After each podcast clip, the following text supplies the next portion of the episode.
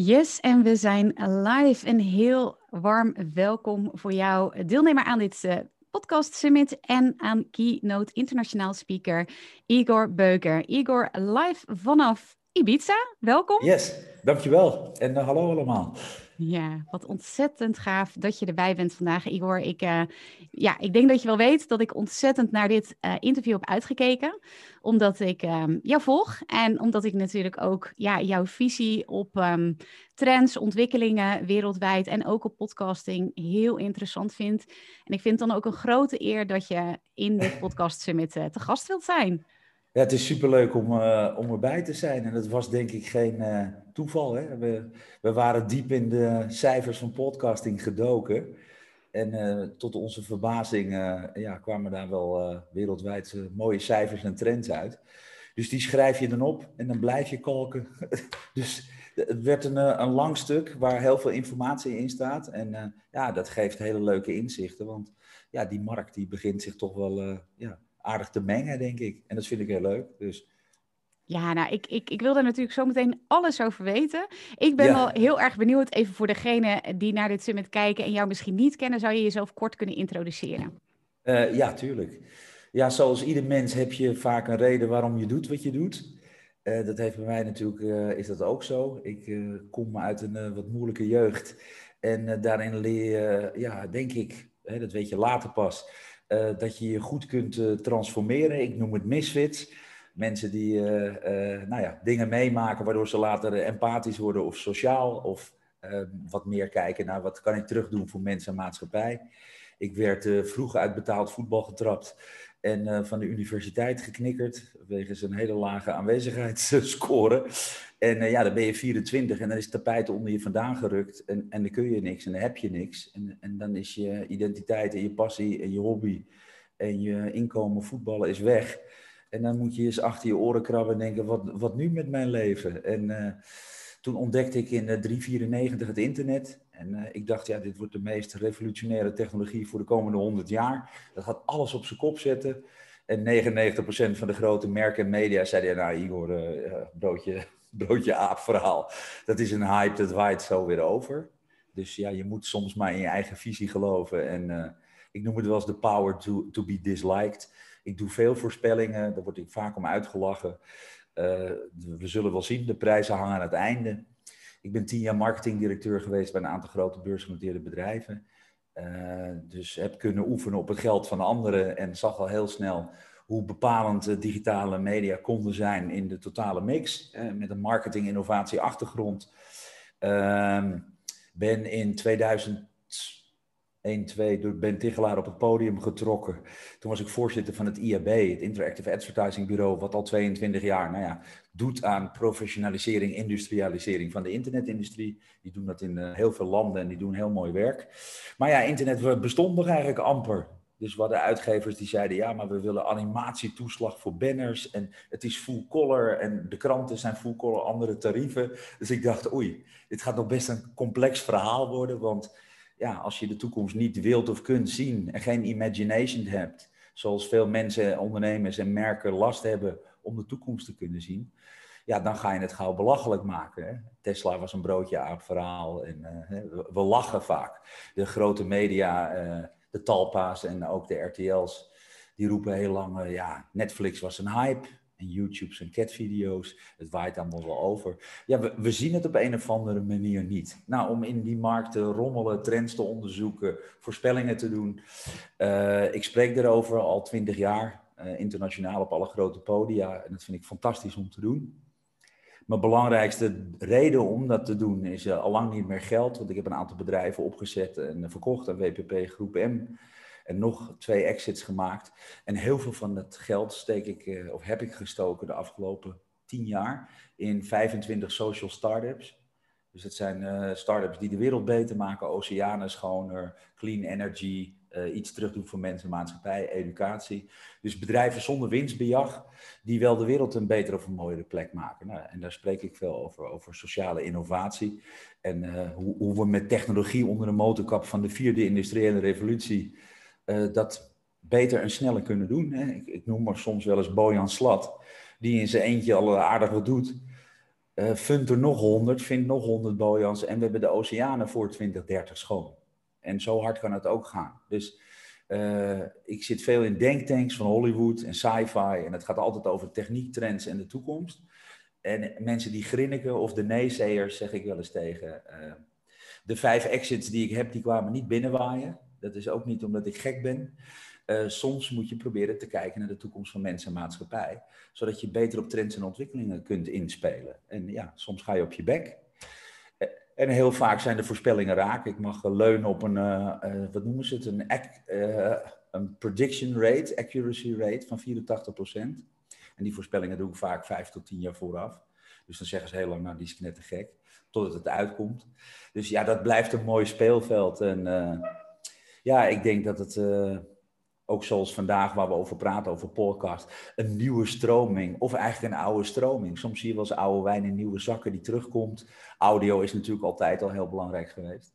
En uh, ja, wat kunnen we daarmee als mensen, als ondernemers? Hoe kunnen we dat nou inzetten? En uh, ja, daar heb ik een aantal ideeën over. En ja, die vinden mensen vaak gek eerst.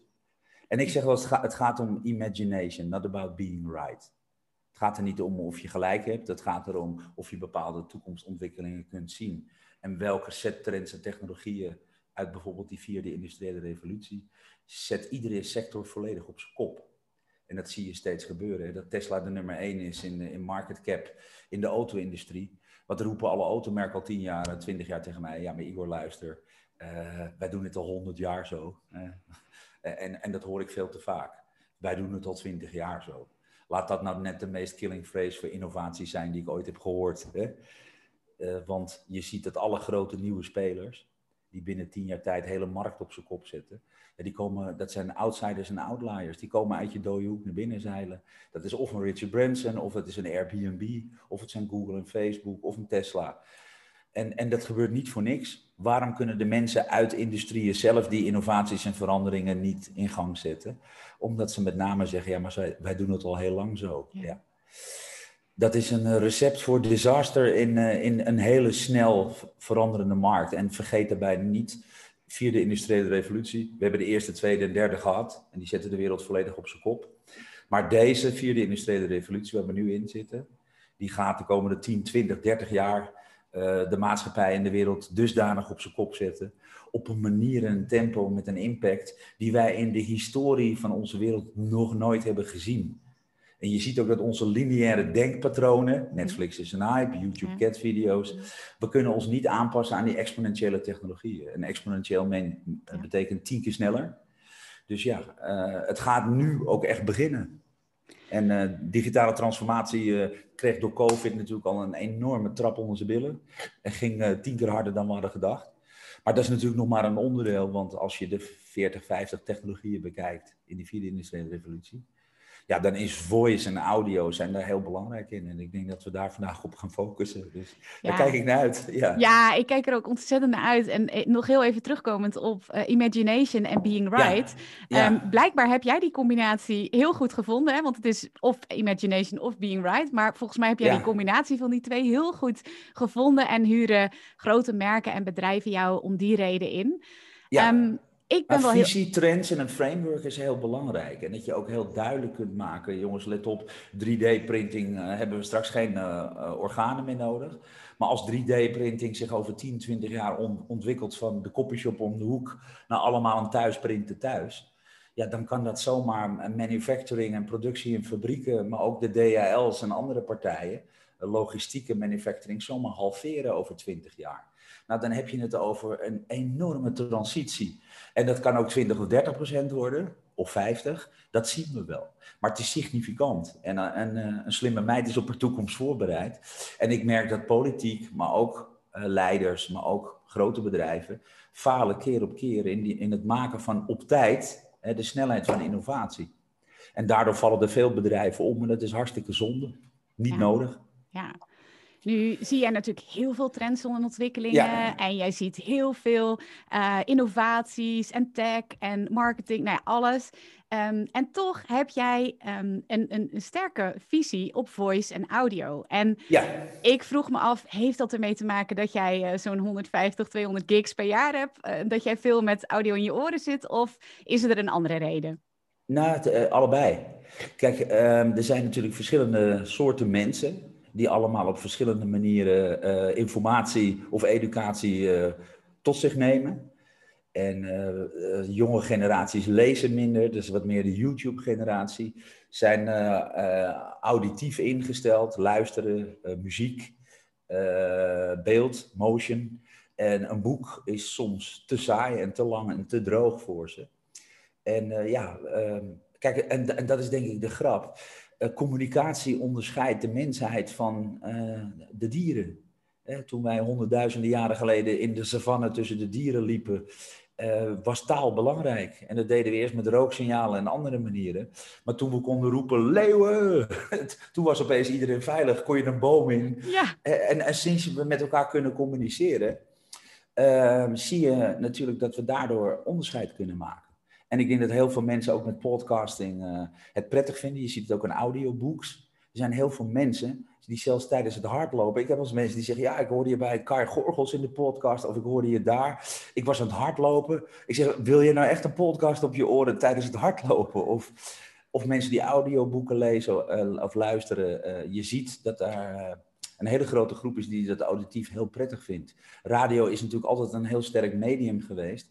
Wat nog steeds uh, het ontzettend goed doet binnen de mediamix, ook in bereik. Dus dat betekent toch nog steeds dat. Uh, en ik zie voice-technologie als een hele belangrijke. Kijk, wat wij twintig jaar met het internet gedaan hebben, was natuurlijk een beetje de warming-up. En als je de grote lijnen bekijkt, wordt het ook logisch. We, we hebben vroeger natuurlijk zitten tikken in een uh, computer. En toen gingen we eigenlijk steeds meer naar de muis en andere, uh, sneller, de Apple iPhones met een homescreen en touch. En je ziet eigenlijk dat die ontwikkeling steeds meer doorgaat naar voice. Waarom moet ik nog met een afstandsbediening een kwartier zitten harken in een Ziggo-menu, terwijl ik gewoon tegen mijn tv kan roepen als een zoekmachine, ik wil voetbal Cristiano Ronaldo, en dan zegt mijn tv wel terug, wil je Juventus van zondagavond of wil je Juve van afgelopen woensdag? En iedereen die kan praten en kan luisteren, kan natuurlijk straks alle apparaten om ons heen goed besturen. En dat begint nu natuurlijk al met uh, de Amazon Alexa en de Google Homes, waarin ik tijdens uh, het koken of in de keuken een, een, zoekopdracht geef. Ik wil een vlucht naar Bali volgende week zaterdag. Ik wil er 12 uur zijn. Het liefst maar één stop over. En dan begint er iemand achter zo'n technische doos begint terug te praten. En die kan het ook even voor me in een winkelmandje opslaan, online. Dus ik denk dat iedereen die kan praten, je ziet voice WhatsApp toenemen. Dus ja, het gesproken woord, dat bezig ik natuurlijk als spreker. Daarom vind ik dat natuurlijk ook leuk en bijzonder. Dat je, uh, ja, dat je tot mensen beter kunt doordringen. Dat doe ik in artikelvorm, dat doe ik in podcastvorm, dat doe ik in video's op televisie. En het liefst live onstage, omdat je daar weer nog meer elementen hebt uh, om te interacteren met doelgroepen. Waar mensen ook live voor je zitten, die kunnen ook vragen stellen. Dus dat is voor mij live de hoogste vorm. Je hebt ook meteen interactie met je doelgroep, wat natuurlijk heel veel voordelen geeft. Maar ja, doelgroepen mogen het gelukkig zelf bepalen. Dus ik denk ook dat we steeds meer gaan leren dat we moeten snappen dat iedere doelgroep iets anders verwacht. En voor de een is dat voice en audio, en voor de ander weer uh, geschreven artikelen. En voor die weer full motion content. Dus ja, kun je het uitsluiten? Dat, dat lijkt me van niet, want ik zou niet weten waarom je mensen zou willen uitsluiten. Dus je kunt verschillende doelgroepen eigenlijk bereiken door verschillende media in te zetten. Tegelijkertijd hè, las ik ook in je interview dat je zei van uh, go big, uh, go niche or go home. Uh, of nee, go ja, niche. Ja, ja go, big, go niche or go, home. Ja, ja. ja, ja. dus daarin geef je ook aan van als je dan gaat voor die, um, voor die, voor die audiodoelgroep, zorg er dan ook voor dat je gaat niche. Klopt dat? Nou ja, dat kan. Of groot. Ja, oh ja, maar, tuurlijk. Ja, ja, ja. Maar, maar als je het half doet, moet je wegblijven. Kijk, niks, niks, niks moet, maar een beetje aanrommelen, dat is natuurlijk niet echt nodig. En ik merk ook dat grote... En, dan kom je weer, ja, daar ben ik futurist of trendwatcher voor. Uh, wat mij opvalt, is ik bekijk graag het grote plaatje. Want dan, wordt het, dan krijg je context en vorm. Uh, en dan ga je dingen beter begrijpen. Wat natuurlijk heel erg belangrijk is, is dat je leert dat wij als merken bijvoorbeeld, wij zien al heel lang niet, al 10, 15 jaar niet, dat wij als, ik roep al heel lang, ieder merk, of je nou wilt of niet, wordt ook een stukje uitgever. Ja. je, hebt, je hebt een corporate blog, je doet elke dag iets met je socials en met je klanten als het goed is. Uh, je gaat van corporate blogging straks naar een podcast, YouTube-video's, uh, of misschien wel je eigen Audi-tv, ik noem maar wat. Uh, dus dat betekent dat je een contentmaker bent en een uitgever. dat kan je niet meer alleen maar doen met de stagiaires, zolang we hebben gedaan. Dus steeds meer merken zullen moeten investeren in content, productie, studio, uh, creatie, content. En, en, en dat vinden ze moeilijk en lastig. Terwijl, sorry, een klein magazine heeft, of een klein radiostation, heeft gewoon vier, vijf man redactie. Hmm. En bij grote merken heeft dat heel lang een stagiaire gedaan die aan het merk zat te knutselen. Ja. Dus ik begrijp niet zo goed dat merken niet veel beter instappen op dit soort trends. Dat je direct contact kunt hebben met je doelgroep. En dat je content voor ze maakt en dat ze zich abonneren om weer vervolg. En dan, dan bouw je een relatie op. Dat hebben grote merken te vaak uitbesteed aan of uitgevers, media of aan reclamebureaus. Maar het gaat om je directe fanrelatie. Hè? De DJ's en de sprekers. Wij doen heel veel met onze doelgroep, want dat, dat, dat is wat ons maakt of breekt. En je ziet bij grote merken dat we er altijd nog heel krampachtig over doen. Corporate podcasting, als ik erom vraag, zeggen ze ja, ja, zijn we wel naar aan het kijken. Nou, goh, knap. Ja, stel je toch voor dat je er ook alvast mee gaat beginnen. En je ziet dat we daarin vrij langzaam opereren, want we zijn erg gewend om tegen onze doelgroep te praten via advertenties. Ja, ja, en wat is, ja, ik snap het natuurlijk wel, maar misschien even voor degenen die daar nog niet zo in zitten. Wat is dan het grote verschil tussen content marketing en adverteren? Nou ja, ik denk dat het belangrijkste is, adverteren is vaak uh, betalen om je boodschap uh, onder ogen, aandacht te krijgen, eyeballs. En dat wordt vaak ook wat platter, koop mij, ik ben de beste. En ik denk dat steeds meer merken moeten leren dat we iets teruggeven. En als ik, wij werkten, wij maakten vroeger de community Nike Running. En daar zeiden we, we gaan dus ook het hardlopen, een stukje hart, een passie toevoegen, wat er mm. al is, aan het hardlopende leven van mensen. En, en daar moet Nike in accelereren. En ik denk dat merken een stukje toegevoegde waarde moeten bieden. Ik maak ook geen content of advertenties om te schreeuwen: Boek Beuker, zet mij op je podium, want ik trek al twintig jaar volle zalen. Dat, ik denk dat mensen daar een beetje misselijk van worden. Ik probeer kennis en kunde te geven in de vorm van uh, toegevoegde waarde, trends, technologie, een, een framework op hoe kun je uh, science fiction nou inzetten voor de toekomst van je bedrijf? Nou, allemaal dat soort dingen die waarde toevoegen aan het leven van mensen. En ik denk dat dat is wat merken ook moeten doen. Want als je er alleen maar bent om aandacht te hijacken en te roepen: koop mij, ik ben de beste. Ja, dan swipet iedereen je weg of gooit je achter een adblocker. Dus in hoeverre ben je in staat om iets te bieden wat waarde toevoegt wij zijn nu ook bezig, niet om onszelf te promoten, maar we willen heel graag de kennis en kunde die we hebben en de passie die we hebben overdragen op een aantal mensen. Door te zeggen, nou je kunt dit doen en dat doen en let daarop en daarop. En of je nou uh, consument bent of producent of merk of uitgever, ja dat boeit eigenlijk niet zo. Maar voor iedereen is er een hoop te halen en te bieden. En ik denk dat wij moeten leren dat we veel meer moeten geven. Hè? En niet alleen maar willen hijacken en, uh, en even hit and run, zo werkt het gewoon niet. En wat voor rol zou podcasten daarin kunnen spelen? Ik heb daar natuurlijk wel een beeld bij, maar ik ben heel erg benieuwd hoe jij dat ziet. Nou ja, kijk, ik denk dat als je kijkt naar de cijfers van audiobooks, uh, hoe, hoe, dat al groeit, ook het verdienmodel daarachter is best heel goed. Hè? We hebben altijd maar, we, we denken vaak en we nemen veel aan, maar we zijn vaak heel snel in onze conclusies. Historie kan ons soms helpen, want sommige dingen zijn al eerder gebeurd. Uh, ik denk dat podcasting, en dan ga je ook weer breder. Ik denk dat merken, maar ook artiesten en uh, celebrities, mensen die iets te melden hebben en een following hebben en fans, dat je waarde gaat toevoegen aan je fans en die relaties. En dat ga je in mijn ogen steeds meer doen op je eigen kanalen. Want we hebben de afgelopen 10, 12 jaar wel geleerd, dat heb ik heel lang geroepen, het staat op YouTube, alle talks en voorspellingen. Beste mensen, merken, kijk nou uit met social media. Dat zijn fans on lease. Die zijn niet voor jou. Ja. Hm. En als Facebook bij mijn DJ-vrienden die 10 miljoen volgers hebben, het organic reach knijpt naar 2%, omdat ze willen dat je adverteert, dan valt er heel weinig te bereiken aan je doelgroep. Dus ik, je hebt het vorige keer gezien met het, uh, een YouTube-kanaal. Als je iets zegt wat ze niet bevalt morgen, als Hans Theeuwen morgen iets roept wat, wat uh, niet door de YouTube-richtlijnen kan, of er wordt iets over COVID gezegd, dan trekken ze gewoon je kanaal naar beneden. Dus ik merk dat we steeds meer. Mijn grootste kanaal is 51.000 records, fans, klanten, mensen, abonnees, vrienden, volgers, vijanden, weet ik veel wie, is mijn eigen opt-in database. Die is van mij, die is van ons. Daar kunnen we content in delen met mensen, feedback aan die mensen vragen. En we zijn totaal niet meer afhankelijk van social media. Ja. Dat is handig, dat zijn satellietkanalen. Maar ik heb het nooit geloofd dat ik mijn vinger moet opsteken en zeggen: Meneer Suikerberg, mag ik alsjeblieft nog één keer met mijn Facebook-fans praten? Want ik heb een nieuwe podcast. En dat, en dat nog maar 3% van mijn fans dat ziet. Dus we moeten als marketeers en mensen ook veel beter nadenken op lange termijn. Strategie voordat we de tactiek gaan uitzetten. En daarbinnen heeft podcast denk ik een hele mooie... Joe Rogan is natuurlijk een, een heel mooi voorbeeld. Uh, die jarenlang aan die podcast heeft gewerkt. Het begint, als het goed is, bij artiesten ook, altijd vanuit passie. En daar vind je een doelgroep bij. En als die doelgroep groter wordt, dan is dat prachtig. Maar ik denk dat het vanuit passie moet beginnen en niet meteen vanuit commercieel winstbejag. Ik ga een blog of een podcast starten, want dan kan ik lekker geld verdienen. Dat komt heus wel als het echt goed genoeg is. Ja, ja ik hoor, hoor, al een heleboel interessante uh, ja, dingen die je aangeeft over, over voice, over uh, nou, ook, ook de ontwikkelingen en, en, hoe een podcast daar een rol in kan spelen. Je zegt van word uit, eigen uitgever, hè? creëer je eigen kanaal en ga minder op social media. Ja, want... oh, je mag op social media, maar, maar manage je verwachtingen en, en, en begrijp dat dat fans on lease zijn.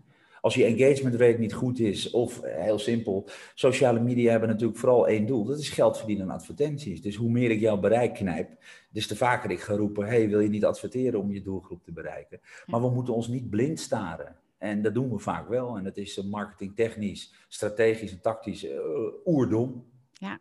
Moeten we niet doen. We moeten veel beter kijken naar het grote plaatje, denk ik bezint eer begint, voordat we gaan rollen eh, en rollen en rennen en vliegen. Even nadenken, even zitten, strategie, tactiek. Ja, en dat podcast daar goed in past. Ik denk dat heel veel mensen natuurlijk... Uh, van vroeger had je de, de hoorspelen op de radio. Uh, we hebben DJ's die, die sky high populair zijn. Ja, en ik denk dat er komt steeds meer beeld bij. Wij zitten er nu ook met een camera bij. Vroeger noemden we dat een podcast, nou een podcast. Maar het gaat er veel meer om wat je, wat je daarmee kunt bereiken. En ik denk ook dat het eh, belangrijk is dat, dat een podcast in andere vormen ook uit kan komen. Als bijvoorbeeld nog een artikel voor degene die graag leest. Of... Ja, precies. Dus dat je dat hele, je uitgeverschap zeg maar helemaal omarmt. En daar een video van maakt, snippets van maakt, een blog van maakt, een artikel voor je, voor je lijst. Ja. Ja. En dat je, dat je daar, daarin volledig een uitgever wordt. Ja, er zijn verschillende soorten mensen. En als je die echt volledig wil betrekken, ja, dan zou ik de audio of de visuele of de, de mensen die graag verhalen lezen, uh, niet, niet kwijt willen raken. Ja, en je kunt natuurlijk tegenwoordig, uh, ja, uh, iedereen kan natuurlijk morgen een zender starten. En we hebben goede platformen waar je op terecht kunt. Dus ik zou zeggen, alle ingrediënten zijn er. ja, nu nog de content vinden die, die beklijft bij zo'n doelgroep. Wat, wat spreekt mensen aan en waarom? Ja, nu ben jij natuurlijk iemand die in de toekomst kan kijken, Igor.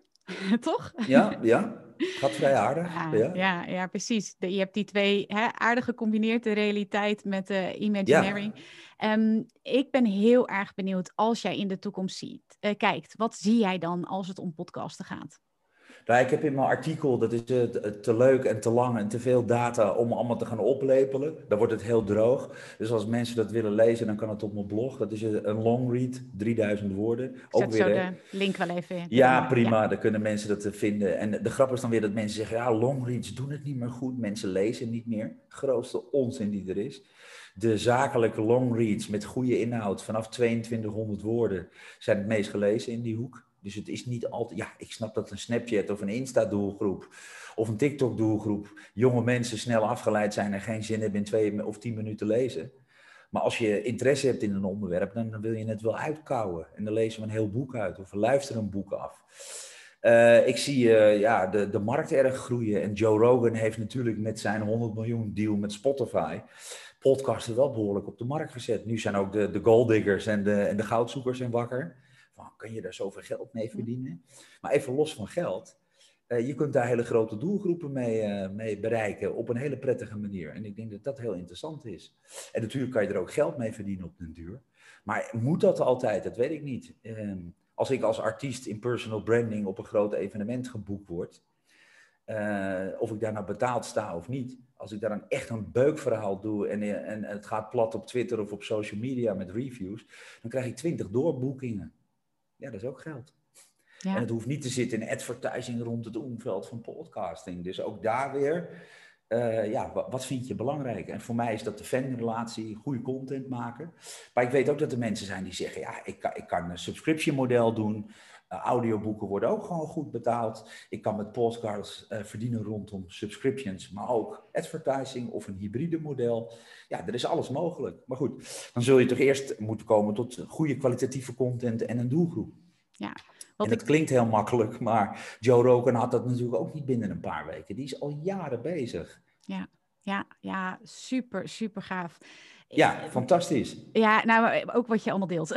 ik vind het echt nou, heel... Ik zit echt helemaal, helemaal te genieten. En ik zag ook allemaal toffe reacties in de chat. Het is echt heel erg leuk, ook als je hier live oh, bezig bent. En allemaal ja, jij kan ze zien natuurlijk. De, ja. Geef ook even een, een, een, een hartje of een, uh, of een like. Dan kunnen ook meer mensen deze video vinden, want er zit zoveel waarde in. Dus, uh, dus super leuk dat je erbij bent en dank je wel. Um, wat ik ook heel interessant vind, zonder dat hele artikel natuurlijk te gaan ja, ja, uh, nee, herhalen. Nee nee, het is, het is veel data. Nou, ik, ik, ik zat ervan te smullen, maar in ieder geval, uh, het is veel data. Maar wat jij ook aangaf, uh, een indicatie voor de groei van audio en uh, voice en podcasten, ja. zijn de overnames die je ziet, die gedaan worden op dit ja. moment. Ja, nou je ziet een speelveld en dat is belangrijk als je de grote lijn in de trend ziet. Is this here to stay of waait het over? Wordt podcasting een belangrijk onderdeel van? Ik breek het dan liever even terug naar een grote plaatje voice. En met voice bedoel ik dan, we gaan tegen apparaten lullen. Gelukkig, want dat getik is natuurlijk ook uh, niet meer van deze tijd, heel eerlijk. Dat doen we nu nog allemaal op een scherm. Maar dat gebeurt natuurlijk binnen 5 tot 15 jaar om ons heen. We krijgen smart homes. Ik lul heel veel tegen mijn keuken, want die apparaten die doen wat ik wil. Niet altijd, maar dat scheelt me een hoop gedoe. Ga maar eens staan tikken. We krijgen slimme steden om ons heen, waar ik straks tegen mijn zelfrijdende auto roep van joh, doe even een parkeerplaats. Uh, ik wil op het Leidseplein zijn. Uh, kijk even in de parkeergarage. En dan rijdt hij daar naartoe en dan zit ik als het goed is achterin voice apps te sturen. En, maar je ziet natuurlijk dat steeds meer technologie om ons heen begint te morfen een televisie die naar me luistert als ik een opdracht geef, in plaats van dat getik. Uh, ja, voice technologie in de zin van Alexa en Google Home is natuurlijk fenomenaal. Daar hebben we heel lang om gelachen omdat die technologie natuurlijk toch niet goed deed wat hij wil. We hebben Siri, hebben we de draak meegestoken, de gekste grappen meegemaakt. Maar nu voice technologie. Ik ben een boek aan het schrijven. Dacht je echt dat ik dat ging zitten tikken? Nee. Ik doe over een hoofdstuk schrijven, 25 tot 40 pagina's. Doe ik een maand gemiddeld, even benchmark. Als ik het inspreek, doe ik er 2, 2,5 uur over. Eh, dan moet het nog geëdit worden, hè? maar goed. dus dat kan ook. Text-to-speech wordt natuurlijk heel belangrijk. Uh, er zitten zoveel mogelijkheden in. En je ziet dat mensen die vlot en makkelijk praten, hebben daar voordeel bij. WhatsApp was natuurlijk vroeger ook een hoop getik. Ja, als je dat in een voice-appje kunt doen, dat scheelt je een kwartier tikken. Ja. Dus, dus ik zie daar heel veel kansen en mogelijkheden die ook echt direct te maken hebben met gemak uh, vormen van educatie snel en makkelijk bestellen. Dat voorbeeld wat ik noem met zo'n praatpaal, uh, dat scheelde mij drie kwartier zoeken naar, voor een vlucht naar Bali. Omdat ik in zo'n praatpaal wat roep. En die geeft nog twee alternatieven. En die slaat het op in je winkelmandje. Dus als je Voice als het grote plaatje ziet, ja, dan denk ik dat het een no-brainer is. Daar komen natuurlijk ook de grote spelers vandaan. Apple dat al een paar jaar geleden beats van Dr. Dre, hè, logisch, muziek, audio. Uh, we zien natuurlijk 8D-audio, waarin je als het ware midden in een concertzaal zit. Wat waanzinnig is om te beleven. Heel veel mensen de groei van Spotify en muziek. Spotify nu ook op, op audio Joe Rogan als boegbeeld.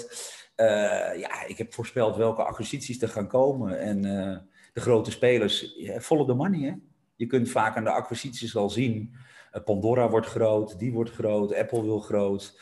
Google en Microsoft willen zich hiermee bemoeien. Facebook natuurlijk, nog wat outsiders. Dus ja, uh, daar ga je al zien dat de grote acquisities, uh, ja, ze zijn al begonnen. De koek wordt al een beetje verdeeld, hè?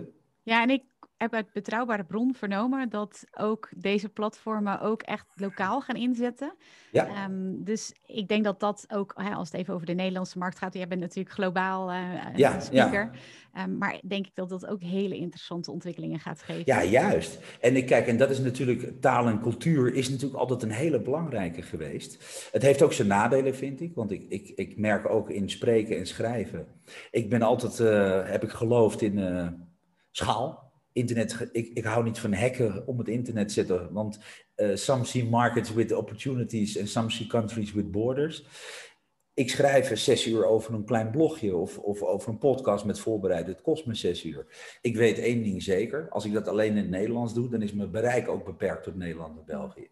Als ik dezelfde effort zou steken in Engelstalig, ja, dan schaalt het. Dus het wil nog steeds niet zeggen dat omdat je een Nederlandse podcaster bent en in deze regio zit, dat je je maar moet conformeren aan de landsgrenzen en een taal. Taal is ook beperkend. Maar taal kan ook wel weer degelijk heel erg veel impact hebben voor mensen die juist ik las op LinkedIn onder, onze, of onder jouw post ergens. Waarom moet het nou weer Summit heten in het Nederlands? Maar ik wilde er dan nog onder zetten. Uh, what about podcast, darling? ja, ja, ja, ja, ja. Snap je wat ik bedoel? Omdat heel veel woorden heb ik als trendwatcher ook. Dan zeggen ze ja, ik wil weer hip doen. Nee, dat wil je helemaal niet.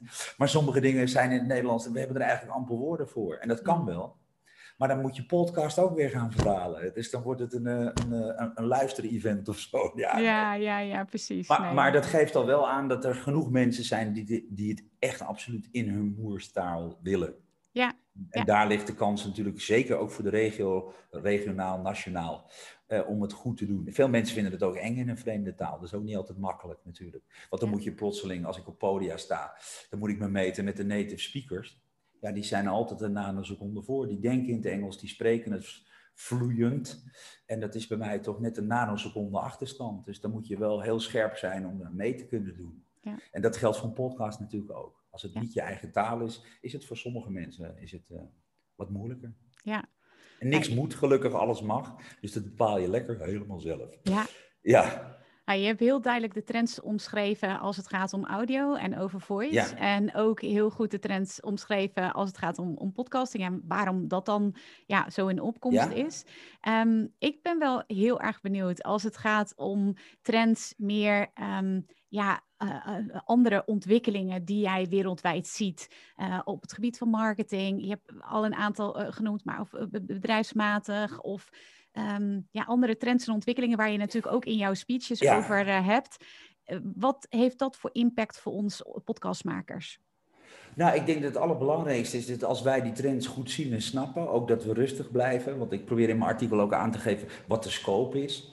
Tot bijvoorbeeld een, een miljard volgend jaar aan geld wat erin gemoeid is. Waarvoor doe je het? Ik zie dat veel vloggers, bloggers uh, burn-outs krijgen op het moment dat het niet meteen geld oplevert of likes of wat dan ook. Ja, dan doe je dus misschien toch niet genoeg met je hart. Want goede DJ's en sprekers, wij hebben allemaal één ding. Ik ben altijd een podium opgeklommen en de DJ's zijn uh, achter boerds geklommen, omdat ze van muziek maken houden. En ik hou van mensen uh, spreken tot mensen en visie en kennis delen. En, en dat je daar later goed in wordt en dat je daar ook geld mee gaat verdienen, is een bijproduct hè, van passie voor je paycheck.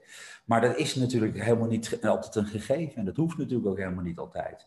Ik vind soms dat we de waardeoordelen over geld te snel maken, waardoor we te snel iets afrekenen op wel of niet kwaliteit. En ik denk dat het voor podcasting ook. Uh, ja, wanneer ben je tevreden? En, en laat je je gek maken door vanity metrics en, en cijfertjes en nummers en likes en dat soort dingen. Uh, ik denk dat ik het tegen deze doelgroep ook wel kan zeggen. Uh, A, heb ik de power to be disliked. Ik steek af en toe de boel in de fik omdat ik vind dat bepaalde oude denkwijzen de toekomst heel erg blokkeren. Ook belangrijke ontwikkelingen tegenhouden. Dus dan moet je heilige huisjes omver durven trappen. Word je er altijd populair van? Nee. Moet dat? Nee. Uh, ja, maar jij hebt minder likes. Ik zeg ja, maar goed. Ik doe B2B en dat is vaak maar een tiende. Maar als ik tien wereldleiders of tien directeuren van Shell uh, kan beïnvloeden om uh, schoner en beter met de energie en uh, de natuur om te gaan, dan is dat wat anders dan dat er 10.000 meisjes op een lippenstiftje klikken. Dus we, we, moeten proberen vanity metrics beter te gaan inschatten. Ja. Soms is less more. Ja. En ik heb, ik heb liever tien wereldleiders die ik kan beïnvloeden dan 50.000 mensen die, die, die het hartstikke cool vinden dat ik een typetje nadoe of op mijn kop gaan staan of in mijn blote kont. Uh, maar ja, dat is net wat je wil. En in deze wereld is het voor ons en ook voor merken nog wel eens moeilijk om een beetje de rust te vinden. We kunnen niet alles doodrekenen op, uh, op likes. Dat is onzin. Moeten we ook denk ik niet doen. Want anders stopt iedereen ermee en er blijft alleen Kim Kardashian over. Ja, ja maar je snapt een beetje wat ik bedoel, denk ik. Zeker, zeker. En dat heb je eerder ook aangegeven van uh, als je het echt doet vanuit een uh, in, intentie van ik wil er geld mee verdienen. Uh, nu wordt het steeds interessanter, omdat er ook geld is, omdat mensen zien, hè, er valt geld mee te verdienen. Um, maar het belangrijkste, en ook, ook al ben, ja, ook ben je spreker, hè, dat is precies hetzelfde wat ik je hoor zeggen, of DJ. Het moet echt vanuit je hart komen. Ja, passie is belangrijk. Ja. En ik ben zelf zover, dat is ook leuk. Maar dat is de andere kant van influential. Je probeert op een gegeven moment zo invloedrijk te worden dat je kunt zeggen nee. Ja. Nee, jouw mening, ik ben onafhankelijk, dat is onbetaalbaar. Ik kan van grote B2B-merken die marketing software van 10.000 tot een miljoen aan uh, uh, licenties verkopen, kan ik bakken met geld verdienen door te zeggen dat uh, zij van WC Eend maken de wc's goed schoon, als je snapt wat ik bedoel. Ja, zeker. Maar, maar, maar, dat doe ik niet, want mijn mening is niet te koop. Ja. En ik vind het prachtig dat heel veel mensen ook commercieel willen zijn. Maar ja, als je daardoor clickbait krijgt en, en waardeloze content en, en, maar probeert te graaien voor een patiënten, ja, dan ga je het niet redden. Joe Rogan doet dit ook omdat hij gewoon, ja, het is een man met visie. Mm -hmm. En uh, het is een stand-up comedian en hij kan goed spreken en hij is ja, ook vrij onaangepast. Je ziet een joint, joint te roken met Elon Musk, waardoor de aandelen van Tesla bijna instorten. Ja, ja dat, dat, dat is voor de mediawereld onbegrijpelijk. Het, wij zijn ook vaak, hebben niet geleerd, een, een, journalist houdt afstand tot zijn onderwerp en schrijft nooit vanuit de ik-vorm. De bloggers ooit zijn begonnen met, je moet passie hebben of betrokkenheid tot het onderwerp. En het gaat altijd vanuit de ik-vorm. Dat is met podcasten vaak ook zo. Mm -hmm. Dus dat is niet gelijk aan de regels van journalistiek. Mm -hmm. En daarom kan Elon Musk met Joe Rogan dat doen. Ja. En, en Ja. worden mensen boos om. Maar nogmaals, het zijn hun eigen media, hun eigen kanalen. Ja. Je hoeft ook niet langs de hoofdredactie, flikker lekker op, dan kijk je niet. Maar dat is natuurlijk wel een beetje wat, wat het mooie is van zelfstandig je eigen content maken. Je Zeker. bent heel vrij en je kunt doen wat je wil. En als mensen niet willen kijken, dan hoepen ze toch lekker op. Ja, ik, ik vind het eh, heel leuk dat je dit vertelt. Uh, Ja, Stefan de ja. Groot van Petje Af, die vertelde Ja. deze week ehm, dat eh, de Zelfspodcast, eh Sander Ja. Schimmelpenning en Jaap, nou ja, die maken dus de Zelfspodcast. En zij werkte eerst in dienst van media, eh, maar zij kunnen nu leven van, hun, van, van de Zelfspodcast. En zijn ook blij dat ze zo'n onafhankelijk platform hebben waar ze hun eigen ding kunnen doen, hun eigen Nou, stem. Ja. Maar dat kan ook los van geld. Dat probeer ik wel eens te zeggen. Dat spreekt een beetje eh, Gandalf on tour. Ik ben natuurlijk 50. Ik zit ook nog op Twitter. Dus ik hoor soms mensen, jonge mensen in een zaal wel eens zuchten. Oh, dat zal wel een beukverhaal worden, innovatie. Gandalf zit nog op Twitter. Dus je, bent- je wordt al afgerekend op welk kanaal je nog zit. Mhm. Ik zou absoluut heel veel mensen aanraden om wel op Twitter te blijven. Ehm, maar daar merk je ook alweer. ehm ja, de eerste tien jaar dat wij al begonnen met bloggen en schreven, deden we het vanuit passie. En we wilden geen centen. Want we zeiden nee, want dan ga je onze mening afkopen. ja, die onafhankelijkheid En- staat onder druk. Ja, Ja. En, we, en we vinden het gewoon heel leuk om te schrijven wat de journalistiek laat liggen, visie en kennis delen. En de eerste vijf tot tien jaar blogs, dat waren ja, eh, lellen van dingen, die gingen de wereld over. Eh, De top 10, 20 marketingblogs waren heel groot, daar hebben we heel lang ingestaan met Viral Blog. Maar we, we wilden er helemaal geen geld voor. Alsjeblieft, alles niet lastig. Want dan ga je nog eisen stellen. Oh ja, je mag niet dit zeggen en niet dat zeggen. Commercie maakt natuurlijk niet altijd content leuker of beter. Ja, Dus dat is ook weer iets. Wat nou als er geen geld aan verdiend kan worden? Mooi. Is die, is die passie er nog? Of hou je er dan mee op? En dan- net als de vloggen met een burn-out. Ja, ja, ik kap Ja. ermee. Want, nou ja. Krijgt de te echte weinig blij- likes. Ja. ja, de echte blijven over. En ik denk Ja. dat dat heel belangrijk is. En dat maakt het ook leuk. Hoe het zorg je dan? vermogen. Dat je Nou ja. overblijft, dat jij dus degene bent die wel blijft. Nou, nee, daar hoef je niet voor te zorgen. Dat gaat vanzelf. Hm. Want als je het vanuit je hart doet en vanuit een passie, dan ga je toch wel door. En als er een keer wat minder geliked wordt, prima. En als je er eens een keer niet eh, geld aan verdient, nou en? Moet dat altijd? Waar, waar in welke Bijbel staat geschreven waar de regels staan? Ja. En als er ergens tien geboden staan, trap ik ze toch omver, want ik hou niet van regels. Ik, ik breek ze liever. Zeker als het regels zijn die, die niet bijdragen aan. We hebben heel veel vaste stramine en daar mag je best van afwijken. Ja, En als iemand eh, je podcast niet goed genoeg vindt of niet genoeg beluistert, het is niet altijd een wedstrijd, jongens, want dan winnen de celebrities toch. Dus denk eens rustig na voordat je begint. En eh, soms heb je gewoon iets wat niche is en hartstikke goed. En dat bereikt 10.000 tot 50.000 mensen en het groeit langzaam. Dat is ook altijd de kracht van communities geweest. Ja. Het brengt mensen bij elkaar met een interesse of een passie voor een onderwerp. Moet dat altijd miljoenen zijn? Nee, helemaal niet. Dus ma- laat je niet gek maken, zouden we vroeger geroepen hebben. Doe, Ja. doe, doe lekker waar je happy van wordt. En, eh, ja. en als je er geld aan kunt verdienen, ja, kun je dat zeker overwegen, natuurlijk. Ja supermooi. En dat is dus ook mogelijk. Nou, ja, en, heel- niet- en niet altijd direct, hè, in advertising of in subscription. Nogmaals, als ik een paar goede podcasts doe, krijg ik er tien boekingen bij. Nou, ik wil best transparant zijn over mijn fees. Maar dat is veel gezelliger dan een patiënt te verdienen aan podcasten. ja. Dus, dus probeer ook goed te kijken naar hybride en indirecte modellen. En ik zie dat heel veel celebrities en artiesten, eh, ja, die zullen iets met podcasten moeten gaan doen. Hm. Al is het maar om een, een, doelgroep erbij te betrekken die, die graag naar podcast luistert. En dat wil niet altijd zeggen dat je er meer geld mee verdient. Nou. Maar in ieder geval wel ook die fanrelatie onderhouden. Dat is wat ik je juist, heb horen juist. En dat is denk ik op lange termijn heel belangrijk. Ja. De markt is groeiende, dat is wel duidelijk. Hè? Er komen steeds meer podcastluisteraars bij. Waar gaan die vandaan komen? Nou, wat je eigenlijk ziet is dat, dat uh, het zijn natuurlijk de mensen die altijd al uh, fijn hebben gevonden. De muziekliefhebbers, mensen die audioboeken pakken, mensen die auditief goed luisteren. Uh, en die komen ja, uit heel veel verschillende kanalen. Maar het leuke is ook weer, ja, radio is er ook nog steeds. Terwijl het internet en televisie erbij kwamen. we roepen altijd maar, nou als dit komt, dan gaat dat weg. Maar dat is vaak helemaal niet zo. Mm. Het is vaak en, en, en, en, en, en stapelt. En uh, ja, dat die groei er is. Ja, natuurlijk. Eh, Joe Rogan, ook al ben je geen podcast-fan, als je maar tien keer om je heen hoort. Hé, gast, heb je die Joe Rogan podcast gezien? Nee, heb je Elon Musk gezien? Het wordt spraakmakend. Ja, en als je daar je peers over hoort lullen bij de koffieautomaat, dan kan een podcast net zo spraakmakend zijn als uh, wat we vroeger zeiden van televisie. En televisie was ook succesvol als mensen daar op een, werk, op een werk de volgende dag bij de koffieautomaat over gingen lullen. heb jij gezien wie. Nou, en dat kan met podcasten natuurlijk heel goed. En uh, ook kleinere podcasts kunnen het heel goed doen. Niches waarin hele specifieke onderwerpen door experts besproken worden, die ergens anders geen zendtijd of ruimte krijgen. Mhm. ja, nou ja, dan ben je alleen niet heel groot. Maar voor een hele kleine, interessante doelgroep, ja, die zullen zitten wachten tot de volgende weer uitkomt. Ja. Hoe zie jij dan, want radio is natuurlijk nu nog echt uh, audio medium nummer één. Hoe zie jij dat ten opzichte van podcast als je in de toekomst kijkt? Nou, ik verwacht niet dat podcast het bereik gaat halen van, uh, van radio op korte termijn. Maar dat kan ook zomaar wel. Maar dan nog steeds, ja, het boeit me niet. Want we gaan gauw vergelijken. Uh, en jij zegt het, het kan allebei.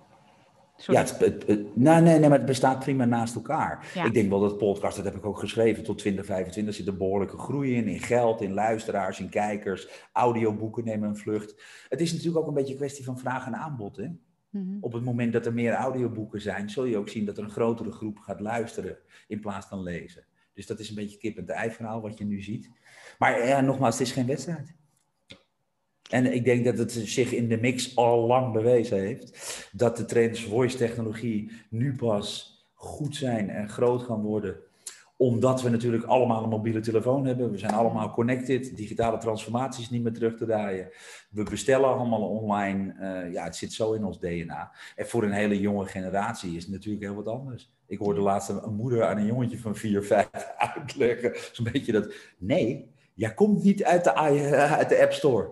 Jij bent geboren. Je bent niet gedownload. Niet. Want ga, ga, ja, ga, ik bedoel, maar wij hebben toch het gelul van onze ouders 40 jaar over die ooievaar gehad. Of, of de bloemetjes en de bijtjes. Nou, dat is natuurlijk ook een broodje aapverhaal waarvan we dachten. Uh. Maar, maar ja, gaat tegenwoordig een kind van 4, 5, Gen Alpha. De, de, de, de diehard screenagers, digital natives, die met drie maanden al je YouTube-channel openen en met wat andere dingen bezig zijn op een iPad of een tablet. Ja, die begrijpen het allemaal tien keer beter dan wij. En die gaan ook veel harder. En voor die groep is dat niet meer dan normaal. Die moet je echt uitleggen dat ze niet uit de App Store komen. Nee, je bent echt geboren. Fantastisch voorbeeld. Ja, maar ja, goed. Maar, maar ja, dat is nog wel waarvan wij vaak oude generaties doelgroepen proberen te bedienen. Die, uh, de, ja, die wij begrijpen. Ik bedoel, er zitten heel veel bestuurders van mijn leeftijd in de board van Coca-Cola, Nike, Unilever, grote merken, uitgevers stel oude lullen bij elkaar die, die vaak niet begrijpt hoe twee, drie doelgroepen eronder media consumeert. Ja. Je moet maar eens kijken natuurlijk. Dat TikTok vonden we ook allemaal maar niks. En Snapchat hebben we genegeerd. Netflix was een hype. En YouTube waren catvideo's. Ja, ja, beste media en uitgevers. Dream on. Ja. Vervolgens koopt al een paar stuk tv. Want we, we, we zijn natuurlijk tien jaar lang in een soort van delusional, denial situatie. waarin we ook gewoon arrogantie hebben en zeggen: Nou, dus ik denk dat als je daar goed naar kijkt, die trends en ontwikkelingen doortrekt, ja, dat podcasten, voice, voice technologie, het besturen van apparaten, opdrachten, spraak, nu nog op een scherm, maar straks in smart homes, slimme steden, auto's, noem maar op.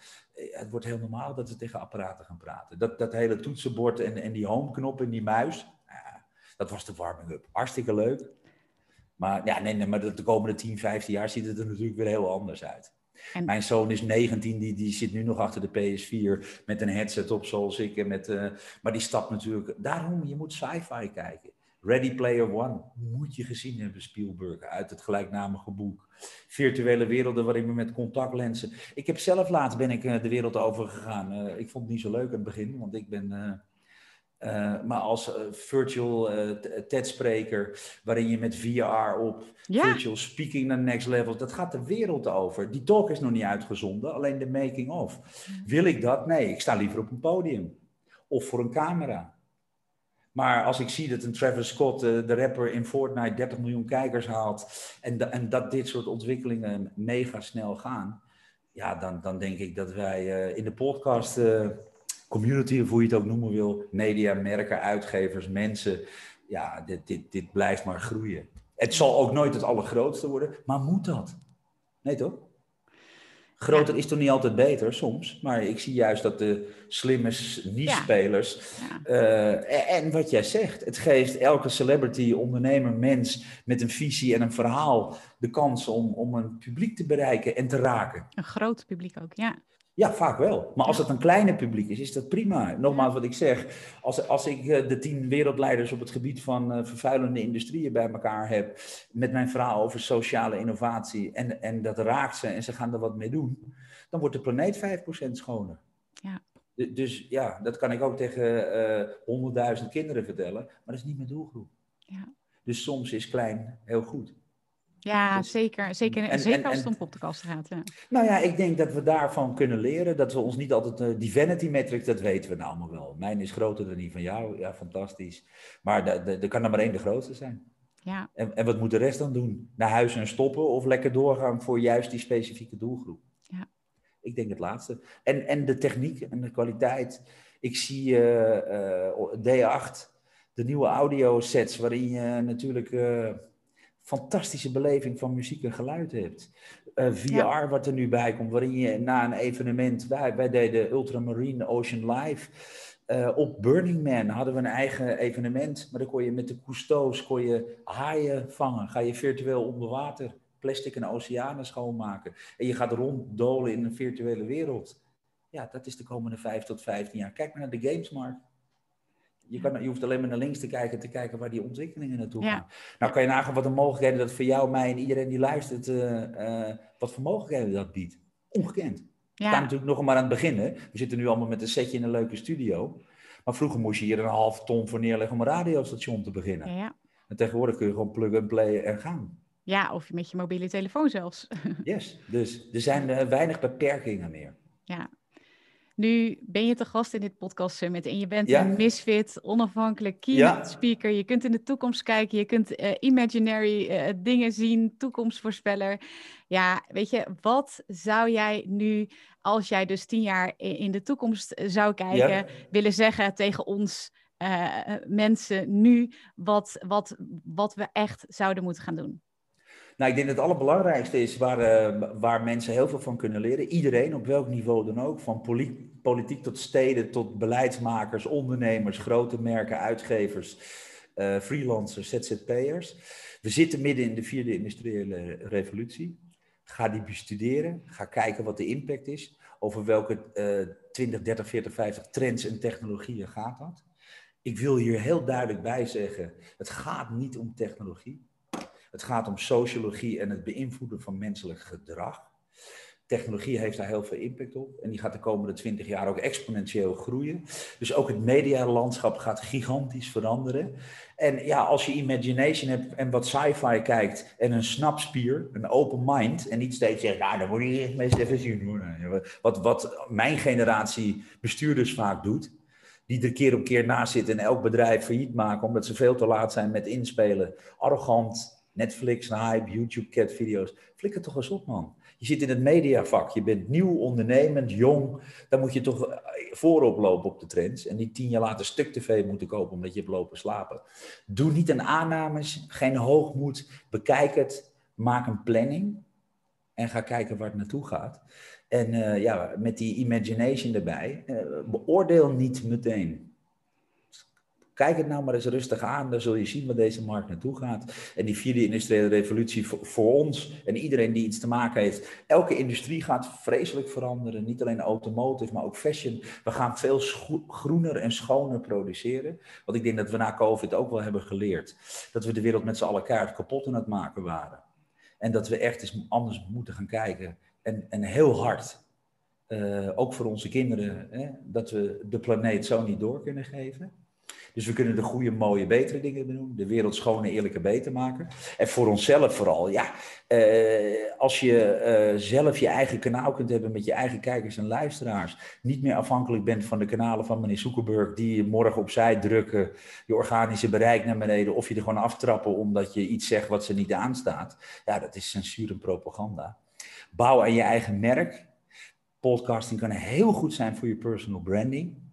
Daar kun je direct geld mee verdienen met advertising, met betaalde links en met eventueel subscription en andere modellen. Maar sluit ook niet uit dat je als personal merk groeit, dat je fees, je boek uh, beter kan, je kunt je fees voor spreken verhogen of allerlei andere facetten die helpen bij personal branding. En als podcasting daar een goed onderdeel van is. Uh, ze zeggen tegen mij wel eens, waarom maak je niet je eigen show? Waarom? Moet dat? Of kan ik net zo goed, ik, ik, kan, ik heb mijn eigen blog, maar ik schrijf heel veel voor traditionele en minder traditionele mainstream media. Die hebben het bereik al. Ik ben daar gastschrijver of gastpodcaster. Ik hoef er niet altijd alles zelf te doen. Ook daar staat weer, ja, we hoeven niet allemaal de Joe Rogan kant op. Dat mag. Bepaal je allemaal lekker zelf. Er zijn namelijk geen regels. Mooi hè? Ja, fantastisch. Ja, dat is ook de reden, denk ik, waarom ik zo helemaal weg ben van het podcasten. Ja. Er zijn nog helemaal geen regels. Je kunt er helemaal je eigen show van maken. Ja. Nou, fantastisch toch? Ja. En, en ook fantastisch dat dat tegenwoordig kan. Want vroeger moest je langs een kanaal en dan moest je op de NPO en dan zei zo'n brommerige einddirecteur, nou ja, ik weet dit niet hoor, ik, ik, ik vind dit niks. En tegenwoordig kunnen we allemaal zelf uh, de wereld bereiken. Nou, dat is de mooiste tijd die er is. Alleen waarde toevoegen, waar zitten mensen nou op te wachten? Hoe kan ik iets teruggeven? Is denk ik een belangrijk in- en uitgangspunt. Passie voor je onderwerp, waarde toevoegen. En als je er wat mee wil verdienen, nou, dan kan dat op heel veel verschillende manieren. Ja, zeker. Ja, fantastisch, Igor. Ik had gezegd, ik ga het eh, mikken op 30 minuten. En we Waar, zitten we op? Waar zitten we op? Uh, we zitten nu op uh, bijna 55 minuten. Dus ik oh, merk dat ik voor mezelf zoiets heb van dat ik het een beetje ja, lastig vind. Jouw tijd is natuurlijk kostbaar, dus ik wil, ik wil daar niet te veel van vragen. En we gaan het interview afronden. Ik vind het ja, sowieso echt super, super, super gaaf. Ik heb echt mega zitten genieten. En er kwamen ook hele leuke berichten in de chat. Dus, um, ik ben erg benieuwd. Ja, ik, ik, ik zou nog als laatste vraag willen stellen van, is er iets um, wat je nog wil meegeven? Um, wat we zeker niet moeten vergeten? Of ja, wat wil je nog meegeven? Nee, ga vooral plezier maken. Ga, ga lekker aan de gang en doe wat je leuk vindt. En de oude radiopiraten op het Veronica-schip, die lagen ergens voor de kust vroeger. En die maakten een heerlijke piratenuitzending met luisteraars. En uh, dat is ook goed.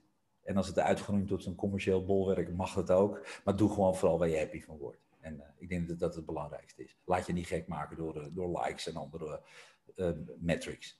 Ja, nou dat is heel duidelijk geworden uit het interview. Yes? Vind je deze, dit interview leuk? Geef even een duimpje of geef even een reactie. Dan kan ik dat natuurlijk ook weer laten weten aan Igor. Igor, yes. ik wil jou ontzettend bedanken voor je tijd. ik wens je een hele mooie tijd ook op Ibiza verder. Ik wil alle deelnemers natuurlijk heel erg bedanken voor hun deelname. Ook als je dit nakijkt of naluistert. Ja, en dankjewel Igor. Heel graag gedaan. En uh, voor alle kijkers en luisteraars, uh, go, go get him. Go big, go niche, go home.